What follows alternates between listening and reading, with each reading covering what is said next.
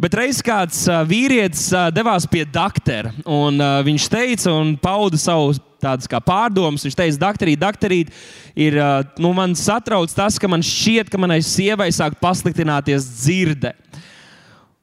Viņš saka, ko, es, ko jūs varētu ieteikt, ko es varētu darīt? Un doktors nedaudz padomāja, saka, nu labi, jūs varat veikt šādu te testu mājās. Kad jūs aizbrauksiet mājās, tad uh, nepieiet viņai klāt, bet pienāciet no aizmugures. Īpaši labi ir, ja viņi kaut ko dara, piemēram, gatavo vakariņas, nostājieties 15 pēdu attālumā, un tad paprasiet viņai kaut ko. Ja atbildes nav, paspēriet 5 pēdas tuvāk, atkal paprasiet.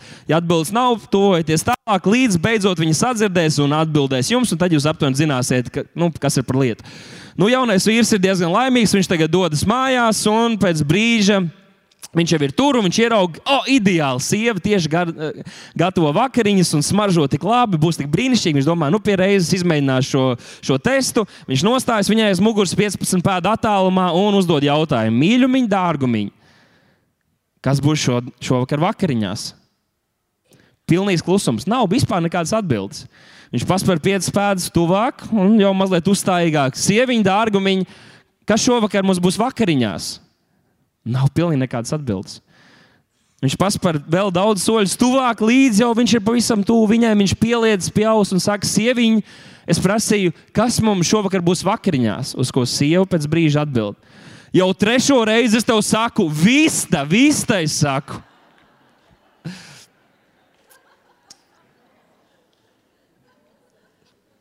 Varbūt jums arī kādreiz tā ir bijis, ka no distances jūs kādu redzat personu vai lietu, un jums tajā brīdī rodas kaut kāds viens priekšstats par problēmu, kas viņam ir, vai kāds viņš ir cilvēks, kā persona. Bet tad, nedaudz tuvojoties viņam, iepazīstot viņu, jūsu domas pilnībā mainās. Jums tā ir bijis.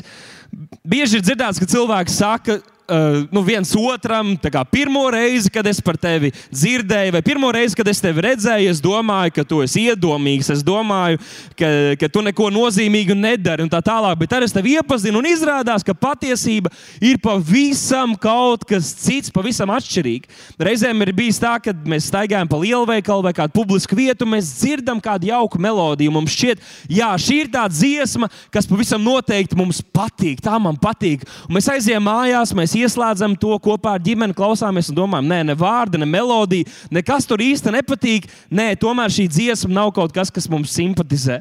Man reizēm ir bijis tā, ka es sēžu kopā ar daudziem cilvēkiem, varbūt tas ir draudzē, un mēs visi esam pilnīgi vienlīdzīgi. Pasties apkārt, mēs esam pilnīgi vienlīdzīgi. Tā kā kāds būtu gājis mums pāri ar, mauru, ar šo pļaujamo mašīnu, un visi ir pilnīgi vienlīdzīgi.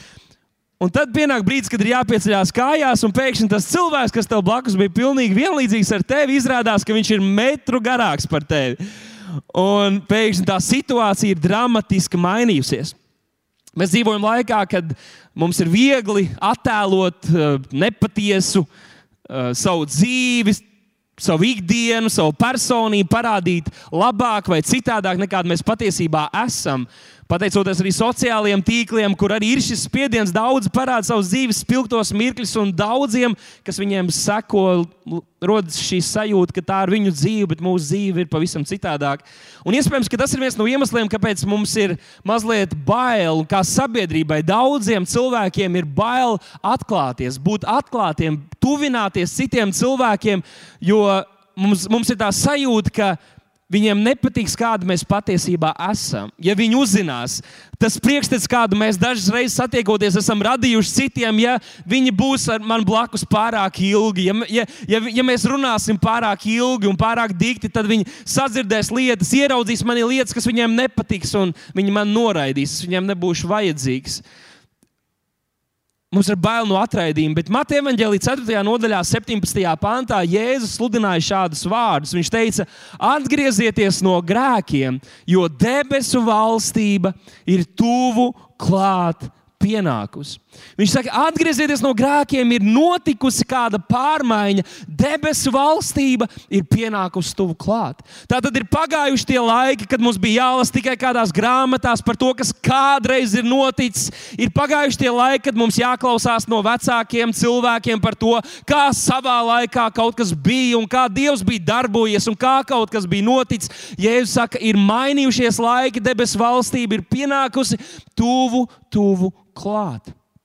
Domājot par šo raksturvietu, man prātā nāk šāda ilustrācija par mazu, mazu mazulīti, kurš ir mātes vēderā. Un pie viņa ierodās daudz un dažādi draugi, paziņas, ģimenes locekļi un stāsta par to, ko tie ir piedzīvojuši. Kāda varbūt ir apceļojuši Eiropu un tagad nāk un stāsta viņam, ak, mazulīti, tu nevar iedomāties, cik tur ir skaisti, kādas augstas klintis un kādas skaistas zili ūdeņi, un cik silti un cik skaisti cilvēki un dažādas kultūras. Atnāk kāds cits un saka, es izbraukāju visu Latgali, tik daudz ūdeņu, tik daudz viesmīlīgu cilvēku, ir tik brīnišķīgi. Kāds varbūt ir bijis draugs Kristīgā centra prieka vēs jaunajā namā, un par to jau nevar nepadalīties. Varbūt kāds pat ir bijis uz dievkalpojumu un nāk un dalās un stāsta šim mazulītim. Bet ir jāpienāk brīdim, kad tam mazulītim ir jānāk pašam ārā, lai to piedzīvotu personīgi, lai to piedzīvotu pavisam citādākā veidā. Jo, lai gan tā var būt, ka tu redzi kādas bildes, tu dzirdi par to, un tev gandrīz rodas sajūta, ka tu pats to esi piedzīvojis. Ir kaut kas pavisam citādāks. Pat ja tu to aizmirsti, nobildēt un ielikt Instagram, ka tu tur esi bijis, tas ir kaut kas personīgs, kaut kas intīms. Un tāpat katram šim mazajam bērnam ir jābūt brīdim, kad viņš iznāk ārā un sāk to visu piedzīvot sāk to visu piedzīvot pats.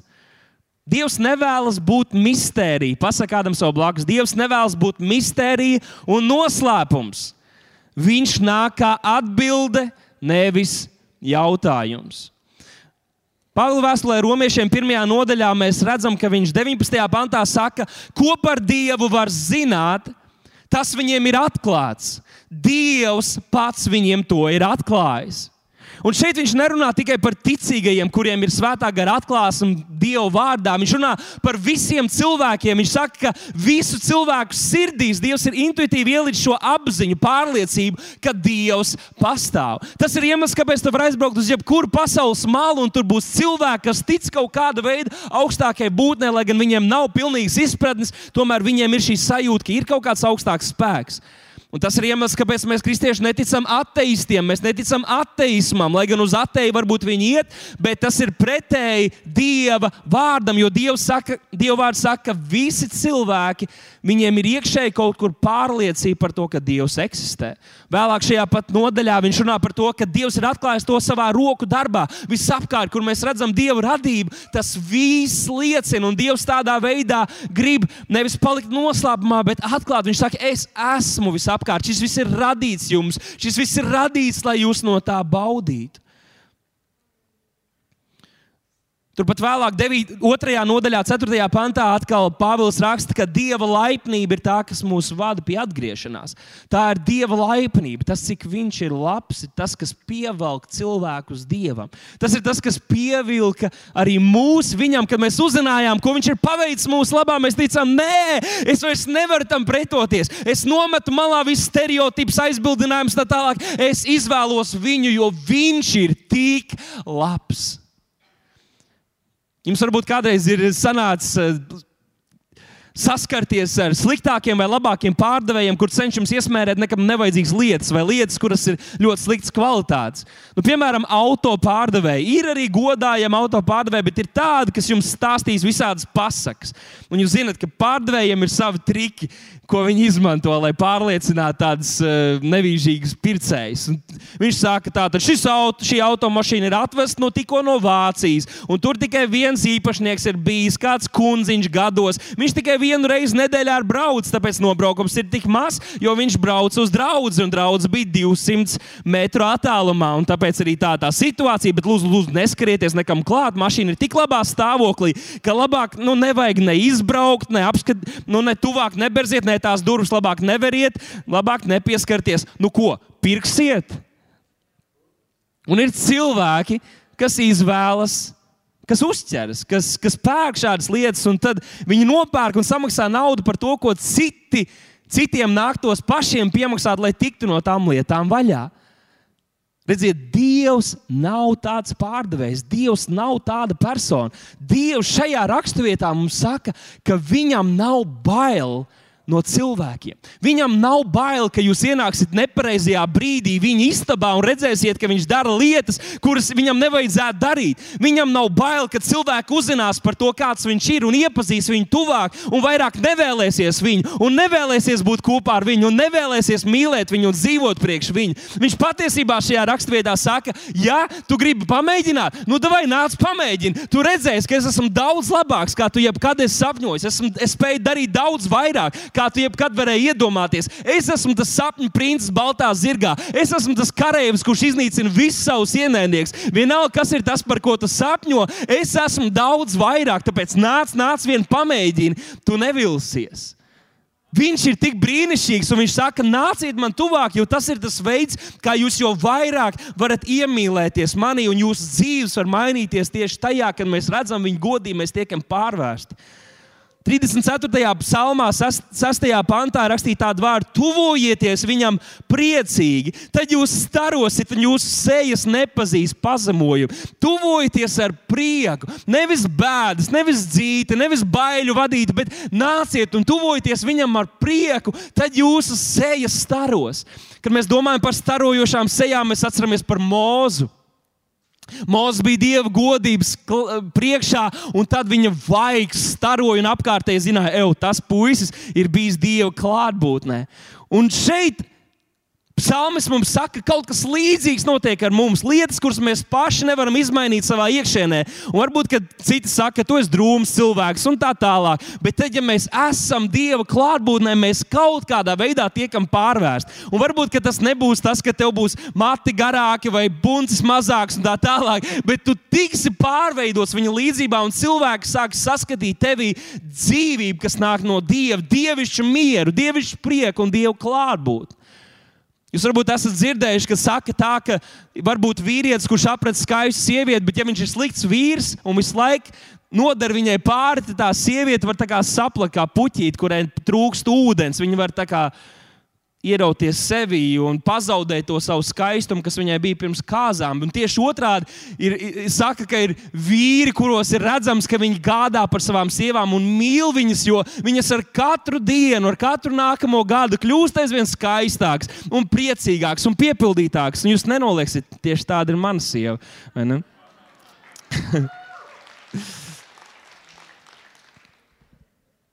Ebrejiem 7,19 teiks, ka tiek nodibināta labāka cerība, ar ko mēs tuvojamies Dievam tiek nodibināta labāka cerība uz labākas derības pamata. Mēs zinām par veco derību. Mēs zinām, ka vecā derība bija tā, kas parādīja mūsu grēku. Vecā derība bija tā, kas lika cilvēkam censties darīt kaut ko, nopelnīt dieva žēlstību, nopelnīt dieva mīlestību, izpelnīties svētību, balstoties uz saviem darbiem. Un tagad arī mūsdienās ir cilvēki, un jāpat kristieši, kur sāk pievērst ticīgos atkal vecās derības bauslībai, vecās derības noteikumiem. Ir kādi, kur saka, ka Jēzu nevar lūgt pēc pēc Jēzus vārda ir jāsaka kaut kā ebreju valodas vārds, ja šo ir kāds, kas saka, nē, nē, nē, nē, kā jūs vienkārši žēlstībā grasties dzīvot, bet Dievs ir svēts. Mums ir jāpilda bauslība. Jautājums tad ir tāds, ko no visas bauslības jūs pildat? Ir simtiem bauslības pavēles. Kāpēc jūs izceļat divas un domājat, ka esat labāk par citiem? Bībelē ir teikts, ja tu nepildi vienu no baušļiem, tu esi pārkāpis visus. Tas ir pilnīgi maldu, un neviens cilvēks nepilda visu bauslību.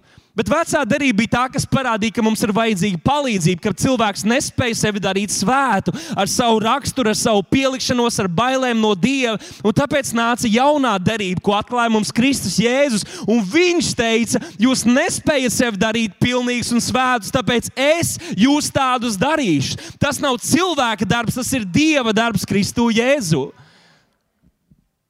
Mēs dzīvojam pilnīgi citā laikā, un, tas, un šī jaunā derība ir tā, kas mums palīdz, kas mums liek, kas mūs mudina, kas mums ļauj tuvoties Dievam bez bailēm, bez, bez visādiem pārmetumiem, jo Dievs ir tas, kurš izmaina mūsu dzīves, un nevis mēs paši. Bez bailēm. Un tāpēc šodien es vēlos īsi runāt par tēmu vēl tuvāk. Pasaka, vēl tuvāk. Vēl tuvāk. Mēs gribam vēl tuvāk. Jūs zināt, ka ir dažādi tuvības līmeņi. Pirmkārt, ir zināšana, ka tu vienkārši zini par kādu. Tu varbūt lasi zeltainajā presē par kādām personām, varbūt pat seko Instagram viņiem, un tev liekas, ka tu zini par viņiem. Tu zini, tā ir zināšana. Otrā ir pazīšana. Kad tu pazīsti kādu cilvēku, tās ir paziņas. Un es, man dzīvē arī ir tāda, un es zinu, ka jums droši vien arī ir tāda cilvēka, ko jūs satiekat. Jūs īsti neatceraties, kā jūs iepazināties, kā jūs esat pazīstami, bet seja ir kaut kur redzēta, un tā roka ir jāpaspiež tik un tā, nemaz nezinot cilvēku vārdu. Pēc tam seko attiecības, ka jums ir attiecības, jūs esat draudzīgi, bet jūs neesat draugi. Tālāk jau ir sadraudzība, jeb draudzība, kad jūs esat draugi, bet jums vēl ir kur augt. Jūs esat kopā, bet varbūt jūs vienot citas lietas, nevis tās attiecības, kas ir jūsu starpā. Un pēc tam nākamais jau tāds solis varētu būt šī intimitāte, kas ir, ka nu, jūs esat labākie draugi, ka jūs esat tuvi draugi. Arī Instagramā tu vari atzīmēt cilvēkus, kas ir tuvi draugi. Jūs visi Instagram uh, lietotāji varat teikt, up, up. meļi. Te ir daudz vairāk, es esmu stipri pārliecināts. Bet tā ir dziļāka, personīga saikne. Jūs esat atklāti, jūs zinat viens par otru, jūs pazīstat viens otru daudz, daudz personīgāk. Un, ziniet, ir viena, kurus tu negribi redzēt tuvu savai mājai, ir kāda, kurš zina tavu adresi, ir kādi citi, kur ir bijuši līdz tavām durvīm, ir citi, kuri ir bijuši ieaicināti uz maltīti, bet ir kādi citi, kuri ir palikuši arī par nakti. Un tie ir dažādi tuvības līmeņi.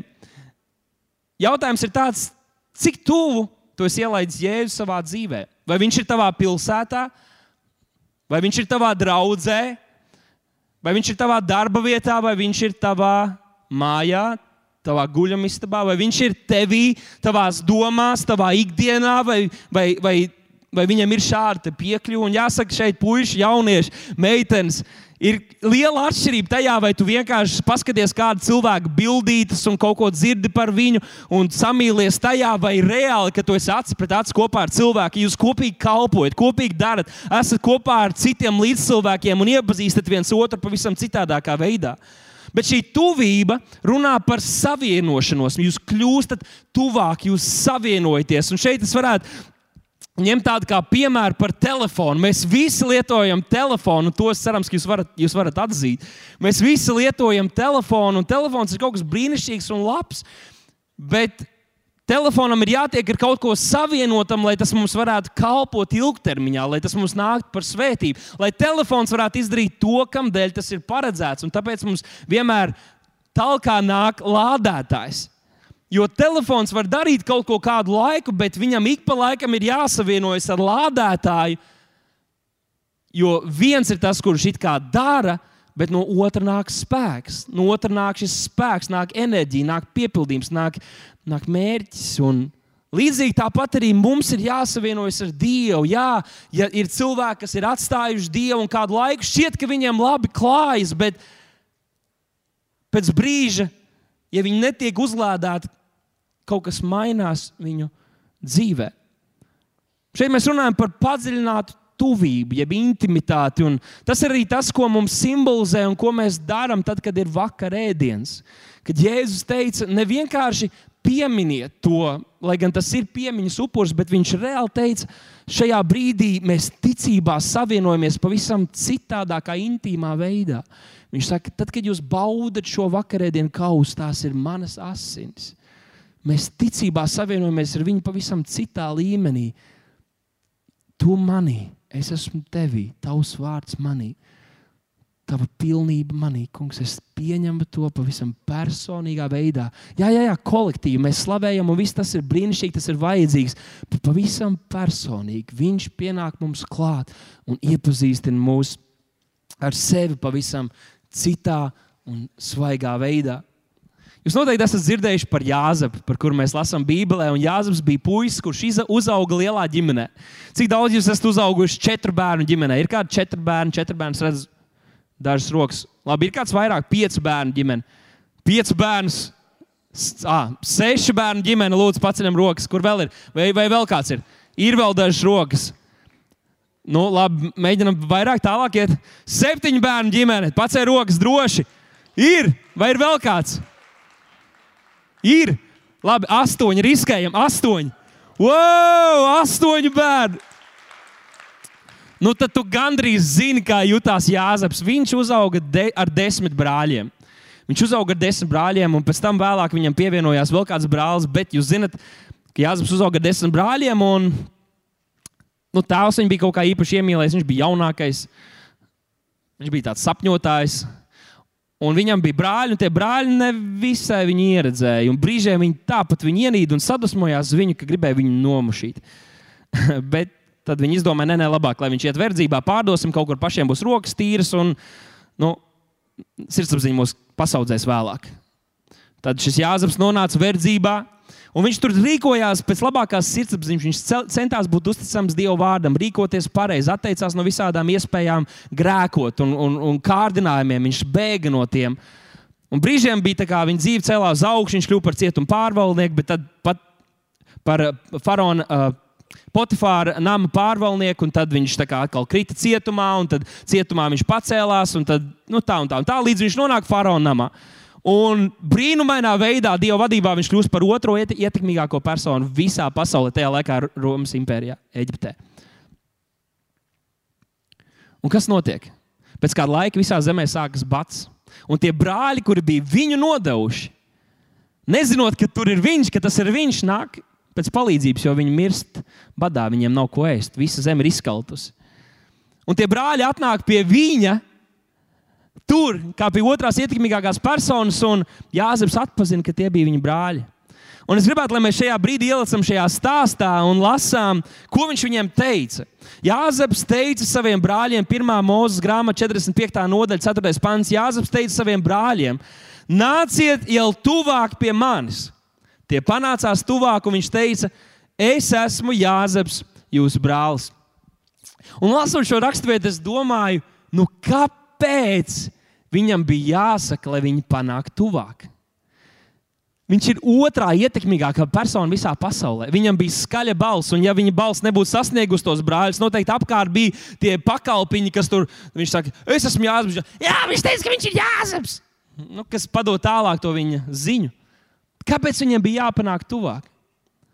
Un tā atbilde, kuras nonāca, bija, ka jo, jo vairāk mēs vēlamies kādu iepazīt un tuvāk nonākt viņiem, mums ir, mums ir arī jānonāk tuvāk, fiziski un, un emocionāli, un visādos veidos jātuvojas. Tad, jo vairāk tu vēlies otru iepazīt, jo tuvāk tev ir jāpiekļūst. Un es nerunāju tikai par fizisko. Nu, tāds viens piemērs no manas dzīves ir, kad, eh, kad es kādreiz braucu ar mašīnu pa Rīgas ielām. Tad kādreiz dažām mašīnām aizmugurē ir kaut kas uzrakstīts, uzlipināts. Jūs zināt, daudziem no jums ir uzrakstīts par stipru ģimeni. Priekavēs.lv. Jūs esat maleči. Jūs esat par liecību arī tādā veidā. Bet nu, citiem kādreiz visādi tādi uzrakstiņi, un viņi tā nobrauc kādreiz garām, un es izlasu tikai daļu no tā uzraksta. Un ja pat viņi pārsniedz ātrumu, man kaut kā tāda ziņkāra mostās, un man gribās piebraukt tuvu un izlasīt. Lai gan maza, maza burtiņas grib piebraukt tik tuvu, lai es varu izlasīt un saprast, kas viņam tur rakstīts un ko viņi cenšas pateikt. Un jāsaka, ka kādreiz tas pat ir nedaudz bīstami, ja tur ātri viss notiek, un tu centies izlasīt, brauc, brauc, brauc. Tā, tā nevajag it kā darīt. Bet no nu, šeit daži tādi piemēri, un varbūt tas ir tas, kas rakstīts jūsu mašīnas. Kāda vecāka auto bija rakstīts, šī mašīna skaitījās sportiski 25 gadus atpakaļ. Uz kādas citas bija rakstīts, skaņas signāls nestrādā, seko maniem pirkstiem. Uz kādas citas mašīnas bija rakstīts, nākamā garstāvokļa maiņa, maiņa paredzēta pēc sešām minūtēm, ievērot drošu distanci. Uz kāda sportiskāka vāģa bija rakstīts, es nebraucu ātri, es lēni lidoju. Un šis man patīkās vislabāk.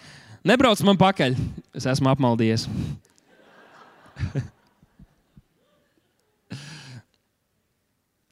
Bet, lai mēs varētu uzzināt šīs lietas un iepazīt, mums ir jā, jānonāk tuvāk, mums ir jāpiekļūst tuvāk.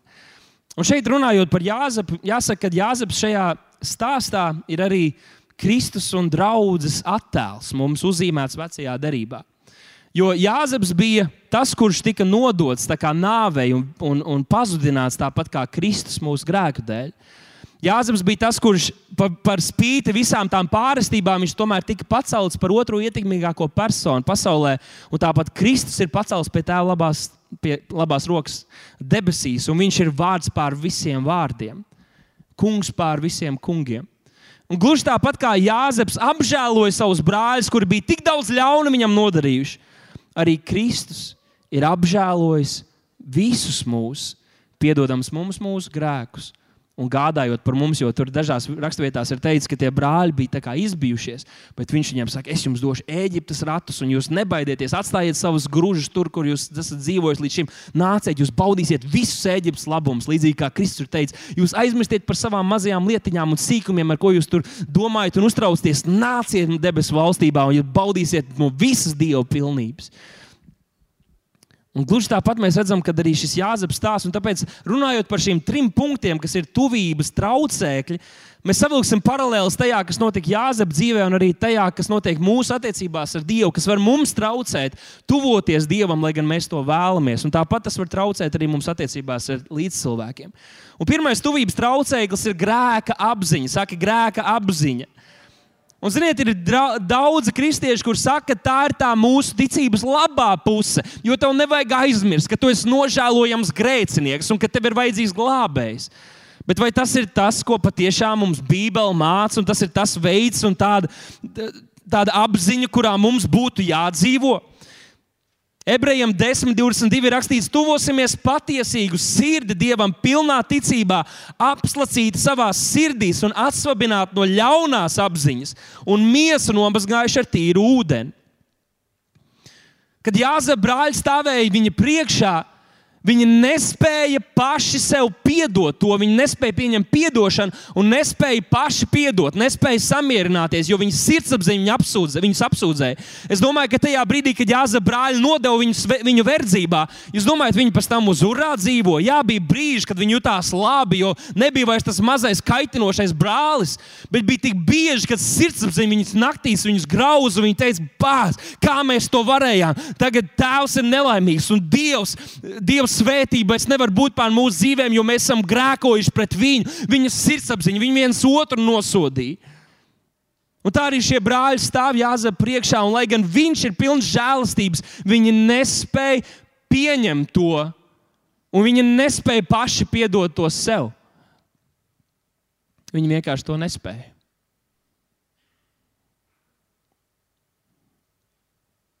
Gandrīz kādreiz ir vieglāk citiem piedot, nekā piedot pašam sev, ka tu esi kaut ko nodarījis, ka tu esi kādu sāpinājis.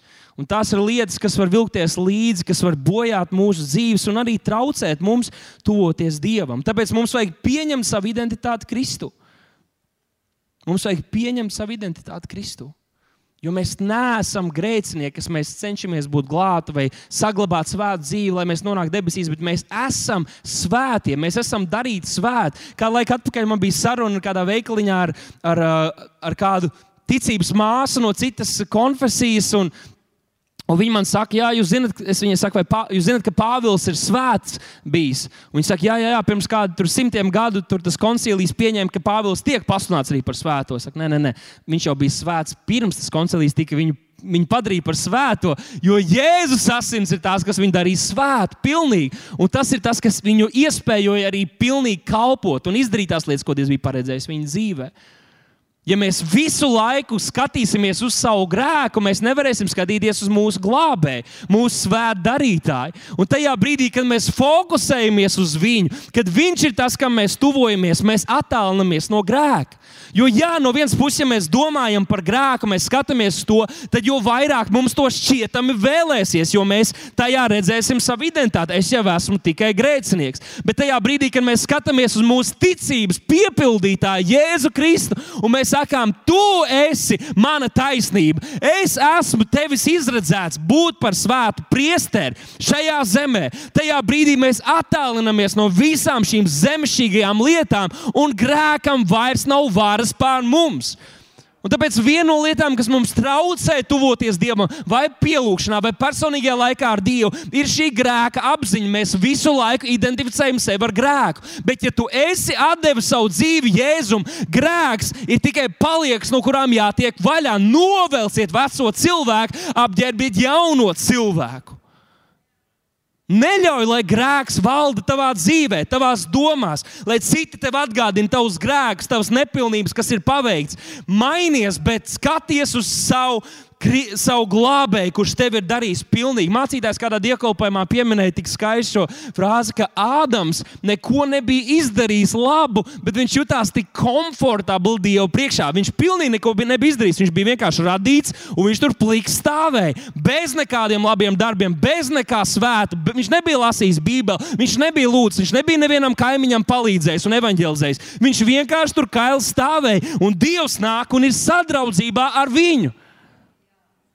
Ja tu gribi tuvoties Dievam, balstoties uz saviem darbiem, tad Bībele saka, ka tu jau kaut ko esi galīgi saputrojis, un tev žēlastību esi pazaudējis. Jo vienīgais iemesls, kāpēc mēs varam tuvoties Dievam, ir Kristus paveiktais darbs pie krusta Golgātā.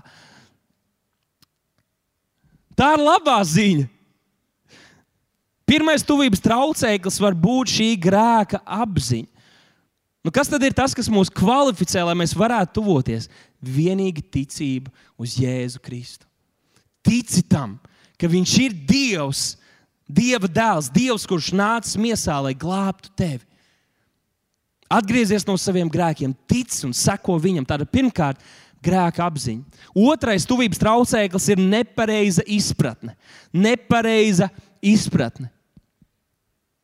Kad Jāzepa brāļi tur stāvēja un raudzījās uz Jāzepu, tajā brīdī viņi vēl neiedomājās par to, ka viņš varētu atmaksāt. To viņi sāk varbūt domāt vēlāk.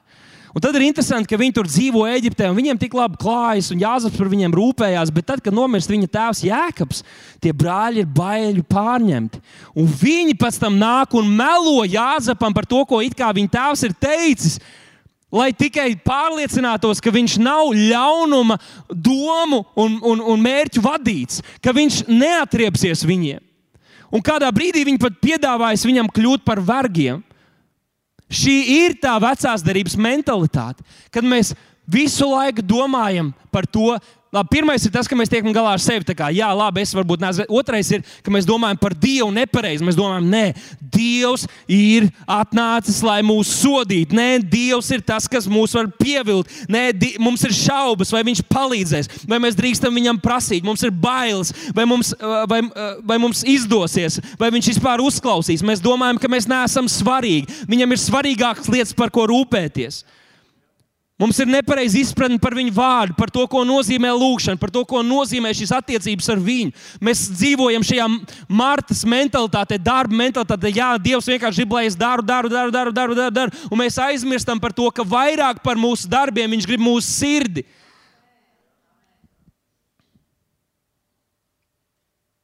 Vairāk par mūsu darbiem. Viņš grib tavu sirdi. Viņš grib tavu sirdi. Viņš grib tavu sirdi. Pavisam nesen es dzirdēju kādu brāli, kurš daudzus gadus ir bijis draudzē, un viņš svaigā veidā liecina par to, ka ilgstoši tā lūkšana un lūkšana garā ir saistījusies tikai ar, ar, ar darbu, kad ir jāizlūdz kaut kādas lietas. Viņš tagad ir atklājis to, ka tā ir sadraudzība, ka tas ir kaut kas brīnišķīgs, kur, kur Dievs mūs aicina. Lūk, šādas lietas un tādas atklāsmes mums katram ir tik ļoti vajadzīgas. Jo varbūt tā, ka tu esi draudzē bijis desmitiem gadu, tu esi izgājis cauri Bībeles skolai, bet vai tu pats to esi atklājis? vai tā ir tava atziņa, vai tu vēl aizvien tev ir kaut kādas noliktavas, kur ir veci stereotipi, meli, reliģiskas pārliecības, kuras nav saskaņā ar Dieva vārdu, vai tās ir tās, uz kuru pamatu tu gribi komunicēt ar Dievu. Nē, Dievs sev ir atklājis, un Viņš ir devis mums savu vārdu, lai mēs viņu pazītu. Tāda pirmkārt problēma e, vairs nav ar mums šī grēka apziņa. Mums jābūt no, tīriem no tās. Otrakārt, nepareizi izpratni par Dievu mums jāsaprot un jāpazīst Viņš, jo Viņš ir tik brīnišķīgs un Viņš vēlas sevi atklāt. Viņš vēlas, lai mēs piedzīvojam Viņa mīlestību. Kolosiešiem divi, divi ir teikts, viņu sirdīm ir jātop stiprinātām ar mīlestības pilnu pamācību. Tas ir tas, kas notiek šeit draudzē. Tas ir tas, kas notiek mazajās grupās. Tas ir tas, kas notiek mūsu personīgajā laikā ar Dievu, lai viņi bagātīgi iegūtu atziņas pilnību un izprastu Dieva noslēpumu, proti, Kristu. Nevis lai viņi zinātu par noslēpumu, bet lai viņi izprastu noslēpumu, to, kas daudziem pasaulē ir apslēpts, to, kas daudziem pasaulē ir kaut kas muļķīgs un maldi, lai mēs to izprastu, lai mums būtu gara pārliecība un stipra ticība viņa vārdā. Ar ko mēs esam piepildīti, kāda ir mūsu pārliecība par to, kas Dievs ir. Vai mēs ļaujam pasaulē noteikt to, kā jāizskatās kristietībai, kā jāizskatās attiecībām ar Dievu, ko Dieva vārds saka, vai mēs skatāmies uz to, kas kādās mājaslapās rakstīts, vai kāda populāra mācītāja kā interpretē raksturvietas, vai mēs sakām, Dievs, es gribu šo vārdu satvert. Tavs svētais gars nāc manā dzīvē šajā brīdī un atklāja man vārdu. Es nevaru turpināt dzīvot, ticot meliem un ticot visādiem citiem cilvēku viedokļiem. Es gribu saprast to pats. Šai pārliecībai, ticībai jābūt tavā sirdī. Tu nevari stāvēt Dieva troņa priekšā un teikt, mācītājs svētdien teica, un balstoties uz to es šodien lūdzu. Tev jāsaka, nē, nē, nē, tu man esi teicis, tu man esi apsolījis Dievs, ka neviens ienaidnieks spēks nevarēs pastāvēt pret mani, un tāpēc šodien es lūdzu un atraisu tavu spēku šajā situācijā. Es pieņemu uzvaru, es pasludinu uzvaru, es runāju saviem ienaidniekiem, tiem būs kristiem, būs pazudus no manas dzīves.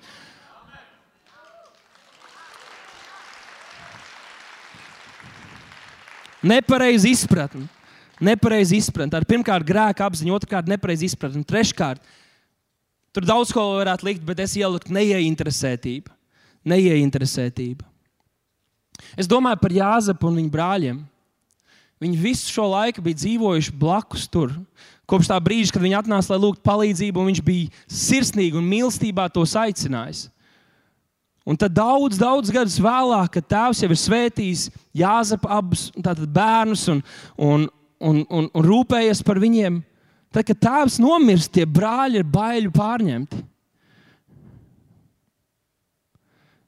Nu, es pieņemu, ka Jāzepam bija daudz ko darīt, bet viņš būtu atradis laiku saviem brāļiem, ja tie būtu gribējuši parunāt, ja tie būtu gribējuši uzzināt kaut ko, ja tie būtu gribējuši izrunāt lietas, atvainoties un izlīdzināties, viņam būtu bijis laiks. Bet es domāju, ka tie brāļi tajā brīdī viņam likās, ka nu, tagad dzīve viss ir kārtībā, un tas brīdis, kad tēvs aizgāja, pārsteidz viņus nesagatavots.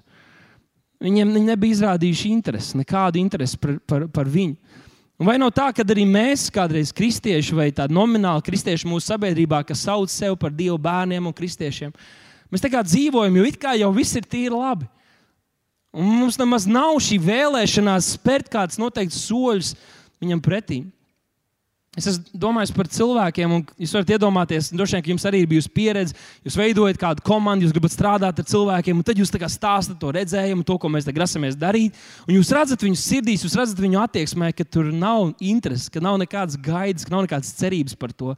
Tas ir tik grūti, tik smagi. Vai mums ir šī interese, vai mums ir šī vēlme? Tuvoties Dievam un iepazīt viņu aizvien vairāk. Jā, ka 4,8 ir teikts, tuvojieties Dievam. Tad viņš tuvosies jums, un, protams, mēs saprotam, ka jābūt interesē no abām pusēm. Jo, ja tu no vienas puses visu laiku centies kaut ko, piemēram, kāds cenšas uzsākt attiecības. Tu laiku no vienas puses centies, un otras puses, lai tikai siena, siena, siena, siena, siena. siena. Protams, ka tu padosies, un tad nav tam nekādas jēgas, jābūt interesē no abām pusēm. Bet šī raksturvieta, ko mums labi parāda, Jākap 4,8. Tuvojieties Dievam, Viņš tuvosies jums. Tā tad ir jābūt iniciatīvai no mūsu puses. Klausieties, Dievs ir pilnīgi visu izdarījis, lai mēs varētu dzīvot personīgā, intīmā sadraudzībā ar Viņu šeit virs zemes. Viņam nekas vairs nav jādara. Vienīgais, kas ir, kam ir jānotiek, ir jābūt mūsu atbildēji, pozitīvai atbildēji uz viņa darbu, pozitīvai atbildēji uz to, ko viņš ir runājis mūsu dzīvēm. Mums jāsaka, Dievs, es vēlos tevi. Dievs, es vēlos tevi. Un kādreiz tas ir tā kā angļu valodā vārds press in, kā spiesties klāt, spiesties klāt. Ir dzirdēts stāsts, un ziniet, mūsu laikos tas notiek viegli, tik viegli, bet ir bijuši daudz gadu atpakaļ, kad tā atklāsme vēl, vēl nebija, un cilvēki lasīja, kristieši lasīja, ko Dievs saka, ko Dievs ir devis. Viņi teica, Dievs, es apvilkšu apkārt sev apli, un es neiešu prom, līdz es nepiedzīvošu to, ko ir piedzīvojis brālis Jānis un māsa Tamāra, un ko es lasu šeit Bībelē. Es arī to gribu. Man pie pietiek dzīvot šādu vienkāršu ticības dzīvi, kad es nāku uz draugu, es gribu to īsto mantu, es gribu to reālo ticību. Kāpēc? Kāpēc Stefans bija spējīgs tur pazaudēt savu dzīvību? Viņš, viņš bija kaut ko piedzīvojis, tas bija kaut kas reāls. Mums ir jākāpj ārā no reliģijas čaulām. Un, jā, mēs esam prieka vēsti. Tās reliģiskās draudzes ir tās citas konfesijas, tās draudzes. Nē, bet arī šeit, katrā no mums tā reliģiskā daba var līst un uzmākties mums. Un mums ir jābūt tiem, kas mēs sakām, nē, es velku to svītu šeit, tēvs, un es gribu iet tālāk. Es gribu iet tālāk. Jā, mēs esam jau draugi. Es gribu būt, lai tu esi mans tuvs draugs. Tuvs draugs, tuvs draugs, ikdienas sadraudzībā. Tēvs, izvēlos tevi. Ir tas teiciens, izvēlies, ko vēlies, un saņem, ko izvēlējies. Un kas ir tas, ko tu saņem? Tas parāda to, ko tu esi izvēlējies. Tā arī tas ir. Tas, ko tu izvēlējies, to tu saņem. Es izvēlējos uh, kādu meiteni, kas man ļoti bija simpātiska, un es viņu dabūju sev par sievu, tāpēc, ka es viņu izvēlējos, un es saņēmu to, ko es izvēlējos. Daudzās citās lietās, ja mēs patiešām to vēlamies, mēs arī to dabūjam. Ja tu patiešām to vēlēsies, ja tu esi gatavs cīnīties, ja tu esi gatavs kaut ko upurēt, ja tev kaut kas ir svarīgs, tu atradīsi laiku, to runājam par draugu, par personīgo laiku ar Dievu. Ja viņš tev ir svarīgs, tu atradīsi laiku, ir 24 stundas, tu guli astoņas no viņām. Tu atradīsi laiku dievam, ja viņš tev ir svarīgs. Un tagad es nekliedzu pārmetot, es, es, es runāju, iedvesmojot, jo tā ir patiesība. Tavās rokās ir daudz vairāk varas un autoritātes, kā tev liekas. Jo Dievs tev ir devis pilnu autoritāti, varu pār savu dzīvi. Un tāpēc tas, ko tu izvēlēsies, ir tas, ko tu arī saņemsi. Romiešiem 8,28 ir teikts, un mēs zinām, ka tiem, kas mīl Dievu, visas lietas nāk par labu. Super, ka mēs par raksturvietām aplaudējam. Tas ir super. Dieva vārds ir dzīves un spēcīgs. Tas runā vairāk un stiprāk nekā jebkurš var kaut ko pateikt. Bet skatieties, ja mēs tuvojamies Dievam, Viņš tuvojas mums, Viņš gādā par mūsu vajadzībām, cenēties pēc Dieva valstības, vispārējās lietas tiks piemestas. Un tad, ja pat ienaidnieks kaut ko ir iecerējis tavā dzīvē, ja ir kāds, kas grib tev kaut ko nodarīt, ir kāds, kas grib tev kaut ko atņemt, un uz brīdi izskatās, ka viņiem tas izdodas. Jo tad, kad mēs gribēsim paklausīt Dievam, rīkoties dievbijīgi, tas mums kaut ko maksās. Tas kaut ko maksās. Tiem, kas grib svētbīgi dzīvot, tie piedzīvos vajāšanas. Būs, ka tas kaut ko maksās. Bet skatieties uz Jāzepu. Viņš piedzīvoja pārstības, tāpēc, ka viņš būt uzticams Dieva vārdam. Bet kas notika beigās? Dievam vienmēr ir plāns, un ja mēs paliekam uzticam, di, uzticam Dievam, Viņš izvedīs mūs cauri jebkurai vētrai, jebkurām ciešanām, jebkuriem uzbrukumiem. Viņš ir tik labs. Viņš ir tik labs draugs. Pasakādam sev blakus, Dievs ir labs. Jums varbūt tā ir bijis. Es zinu, ka mums katram ir savas lietas un kaut kādas vilinājuma kārība. Katram ir sava kārība kas mūs vilina.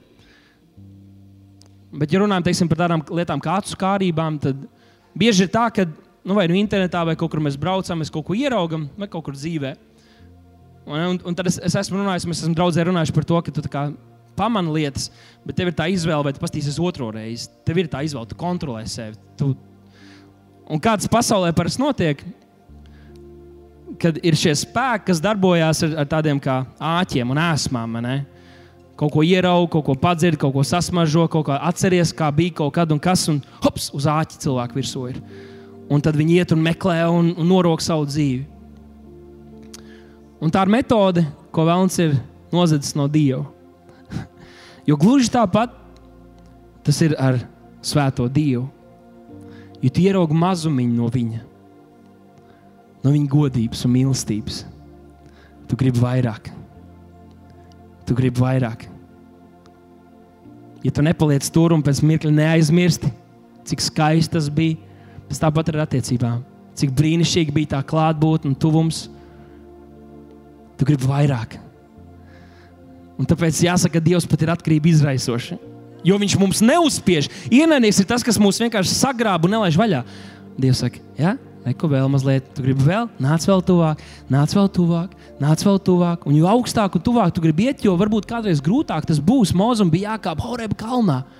Un jo augstāk tu kāpsi, jo vientuļāk tur paliks. Ne visi izvēlas kāpt tik augstu. Ir kādi, kas samierinās ar viduvēju kristietību un viduvēju ticību. Bet Dievs saka, nu nāc tuvāk, nāc tuvāk. Man ir vēl, man ir vēl, man ir vēl, man ir vēl, man ir vēl. Man ir vēl.